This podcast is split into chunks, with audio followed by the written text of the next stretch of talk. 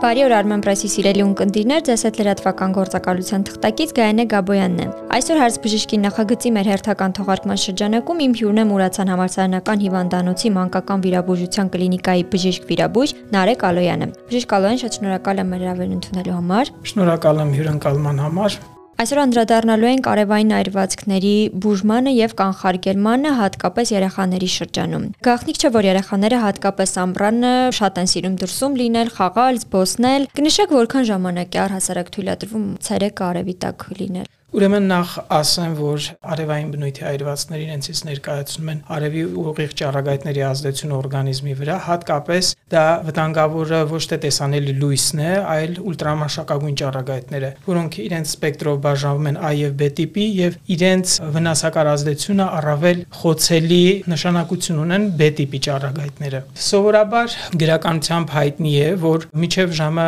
առավոտյան 10-ից ցերեկային ժամը 4 ընկած հատվածում առավել ինտենսիվ են ճառագայթները եւ մեծ վտանգ են ներկայացնում իրենցից այդ ժամային ինտերվալը։ Շատ լավ, այ ինչ արևային այրվածք է, փոքր հասկանանք։ Ինչպիսի ախտանշաններ կան եւ ինչպես հասկանալ, որ դա հենց արևային այրվածք է։ Արևահարման պարագայում անմիջապես ախտանիշներ չեն դրսևորվում։ Մոտավորապես 6-ից 12 ժամ հետո դրսևորվում է երևույթները, բայց կլինիկորեն իր ավարտին չեն հասնում։ 24 ժամ հետո առավել նկատելի ախտանիշներ են ի հայտ գալի, մասնավորապես դա այր այրված տեղամասերի կարմրությունն է, տաքությունը, նաև ծանր դեպքերում արդեն դրսևորում է ջերմությամբ, գլխացավերով, փսխումով, որոնք դիտարկվում են արդեն հոսպիտալացման ենթակա պացիենտներ։ Շատ լավ, իսկ երեխաների մոտ ինչ որ տարբերություն կա, թե ձեր նշած այդ ժամանակահատված նաև երեխաներին է վերաբերվում։ Նշված ժամանակահատվածը վերաբերվում է բոլոր տարիքային խմբերին։ Դուք չնայած նշեցիք, բայց կարող ենք ավելի մանրամասնել արևային այրվածքների ինչպիսի տեսակներ կան, աստիճաններ կան, այսինքն, եւ որ դեպքում ինչ դրսևորումներ են լինում եւ որ պարագայում ինչ կարելի անել։ Ուրեմն տեսեք, արևային այրվածքների դեպքում, երբ որ մենք տեսնում ենք առաջին դրսևորումը կարմրությունը, տեղային տաքությունը,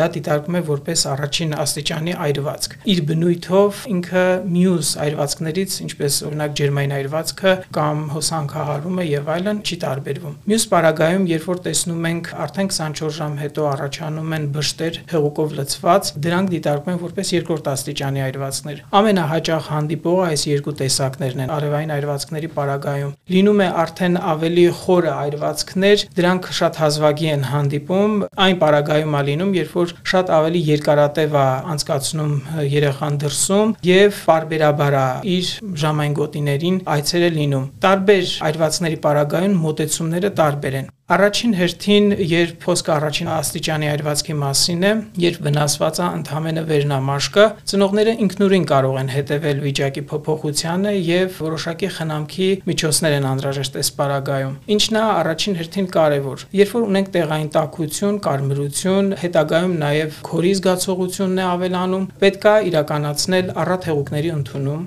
Այն պարագայում, երբ որ արդեն ցավոտությունը բավականին արտահայտված է, պետք է տալ ցավազրկողներ ծրագրեր, սակայն ցավազրկողների ընդունումը պետք է լինի տեղամասային մանկաբուժի հետ համաձայնեցված, քանի որ յուրաքանչյուր տարիք պահանջում է իր կիլոգրամ քաշին համապատասխան ցավազրկողներ։ Ամենաշատ կիրառելին իբուպրոֆեն, պարացետամոլ, այդ շարքի պրեպարատներն են։ Նաև սառը լոգանքներն է խորհուրդ տրվում այս պարագայում եւ մաշկը խոնավացնող քսուկներ։ Խոնավացնող քսուկներից շատ նախընտրելի է ալոյ վերայի քսուկը կամ գելը, որը անընդհատ խոնավացնում եւ ջրացնով հագեցնում է մաշկը։ Երկրորդ կարգի այրվածքների դեպքում, երբ ունենք կլինիկական դրսևորումներ, ինչպիսիք են նշեցի գլխացավը, փսխումները, ծնողները պետք է հիվանդանոց դինեն, որտեղ դա անհանգստացնում է այնքանով, որ երեխան կարող է ջրազրկվել, ինտոքսիկացիայի երևույթներ ավելանալ եւ միանշանակ հսկողությունը հետագա բուժումը պետք է կազմակերպվի հիվանդանոցում։ Շատ լավ, այ բոլորս գիտենք, որ շատ-շատ ծնողներ շատ պարագաներում փորձում են տանը ինքնաբուժությամբ զբաղվել, ինքնուրույն ինչ-որ բաներ անել։ Ձեր պրակտիկայում հանդիպել եք, ինչպիսի սխալներ են ավելի հաճախ իրականացնում ծնողները, որը ել ավելի է բարթացնում իրավիճակը։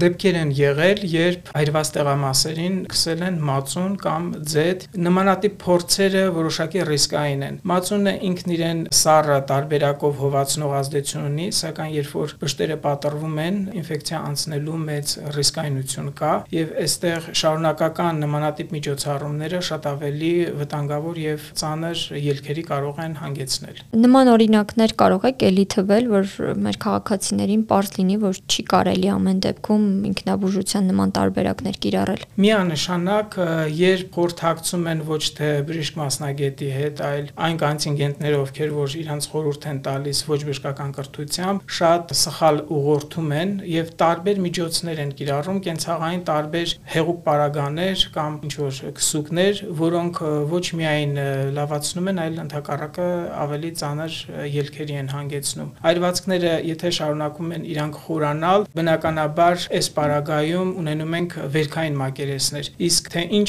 աստիճանի, ինչ չափի վերքային մակերեսներ են ստեղծվում, ըստ դրա էլ արդեն բուժման ելքը շատ ավելի բարդ է լինում։ Բժիշկ Ալոյան, իսկ դեմքի հետ կապված աչքերի ինչ խնդիրներ կարող են առաջանալ երեխաների մոտ արևից։ Ուրեմն տեսեք, քանի որ դեմքը բացահատված է եւ միայն գլխարկով պաշտպանությունը երբեմն բավարար չի լինում։ Եվ շատ կարեւոր է այստեղ, երբ որ նաեւ աչքերի այրվածք առաջանում, խնամքը ինչպես տանել։ Հատուկ միջոցառումներ չի արվում, սակայն շատ կարեւոր է սառը թռչոցների բարբերաբար տեղադրումը փակ վիճակում աչքերը։ Եվ դեռահասների շրջանում, ովքեր նաեւ օգտագործում օգտագործում են կոնտակտային լինզաներ, պետքա միանշանակ դադարեցնեն օգտագործումը մինչև երևույթների հետ զարգանալը։ Մեկ էլ մի կարևոր բան ավելացնեմ, որ նշյալ ժամային ինտերվալը, որ արևի ինտենսիվությունը ուլտրամանշակագույն ճառագայթների շատ ավելի հզոր է, պետքա նաև դիտարկել ոչ միայն շոկ ամիսներին, այլ նաև մնացած սեզոններին, քանի որ ոչ թե տեսանելի լույսն է վնասում, այլ ուլտրամանշակագույն ճառագայթները եւ իրանք տարբեր առարկաներից ու մակերեսներից անդրադարձնում են մարմնի մակերեսին, որը որ ոչ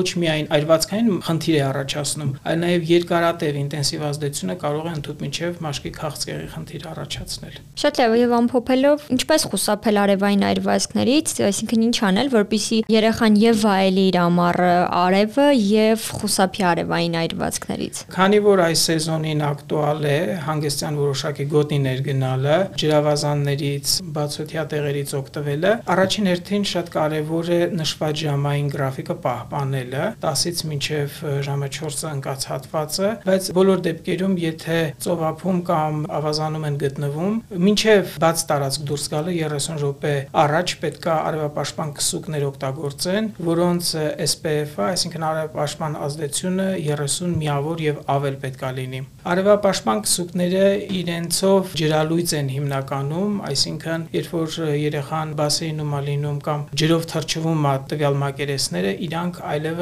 որևէ պաշտպանություն չեն ապահովում։ Այդ է պատճառը, որ նման պարագայում պետքա 1.5-ից 2 ժամ հետո նորից շարունակել այդ քսուկները օգտագործել։ Բացի դրանից շատ կարևոր է նաև արևային ակնոցների կիրառումը, գլխարկների կիրառումը եւ հագուստի ընտրությունն է այստեղ նաև շատ կարևոր, պետքա ընտրվի թեթև հագուստ բամբակյա հյուսվածքից։ Այսպիսի մի փորձ կա, երբ որ զգեստը ստուգում են հասկանալու համար ինքը թափանցում է թե չէ, այսինքն UM ճառագայթներից բավարար պաշտպանություն ստեղծում է թե ոչ, պահում են լուսավոր հատվածում եւ ստուգում են ստվերը։ Եթե ամբողջությամբ ստվեր է առաջացնում եւ ճառագայթները չեն թափանցում, նախընտրելի է տվյալ համազգեստը։ Եվ համազգեստը պետքա լինի ոչ թե մուկ, այլ վառ գունավորման ճառագայթները անդրադարձնելու նպատակով։